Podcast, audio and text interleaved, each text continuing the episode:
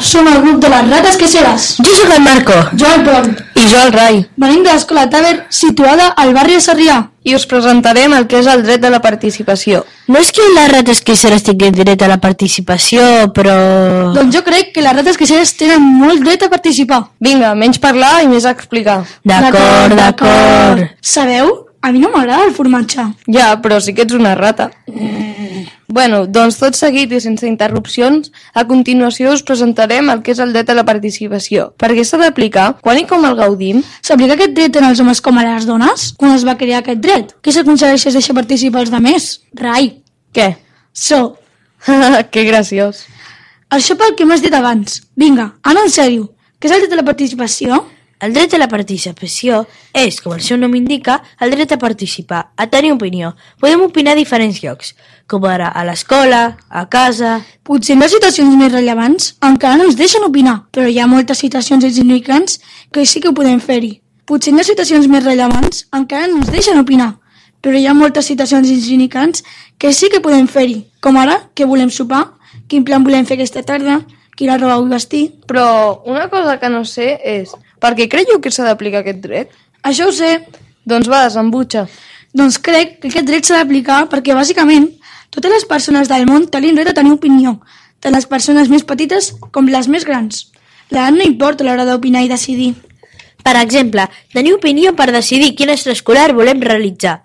Tenir opinió a casa, què vol sopar la nit de Nadal. Això és fundamental perquè la persona pugui aportar el seu granet de sorra. Amb molts granets de sorra construïm una platja. M'agrada molt la platja. Coincidim en això, Marco.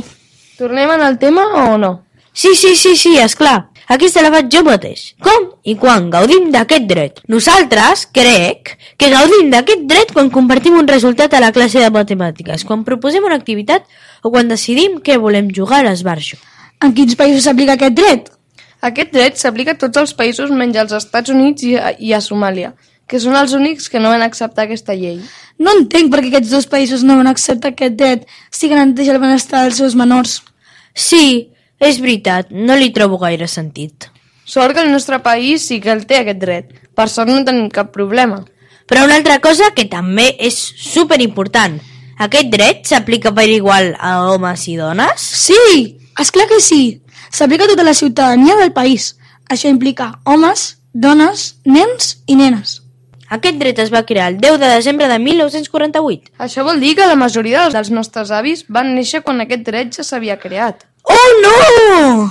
Què, Que ja hem arribat al final de la nostra presentació. Tampoc és per tant, pensava que se t'havia mort algun familiar. Crec que hauríem d'anar tornant al tema. Quan es mori algú, ja ens preocuparem. El liu, què aconseguim deixant participar els altres? Els infants i els adolescents que participen estan aprenent i adquireixen més poder de decisió sobre la seva vida. Confien més en si mateixos, enforteixen la seva autoestima i la seva autonomia. Senten que les seves opinions són valuoses, que poden fer contribucions a la societat perquè tenen una experiència i coneixement únic. I fins aquí el programa de ràdio. Adéu, a reveure! Tu has estat aquí tota l'estona, rata que serà? Sí, és clar. Ara provaràs el poder de la meva escombra. I fins aquí el no la nostra explicació. Esperem que us hagi agradat. Adéu!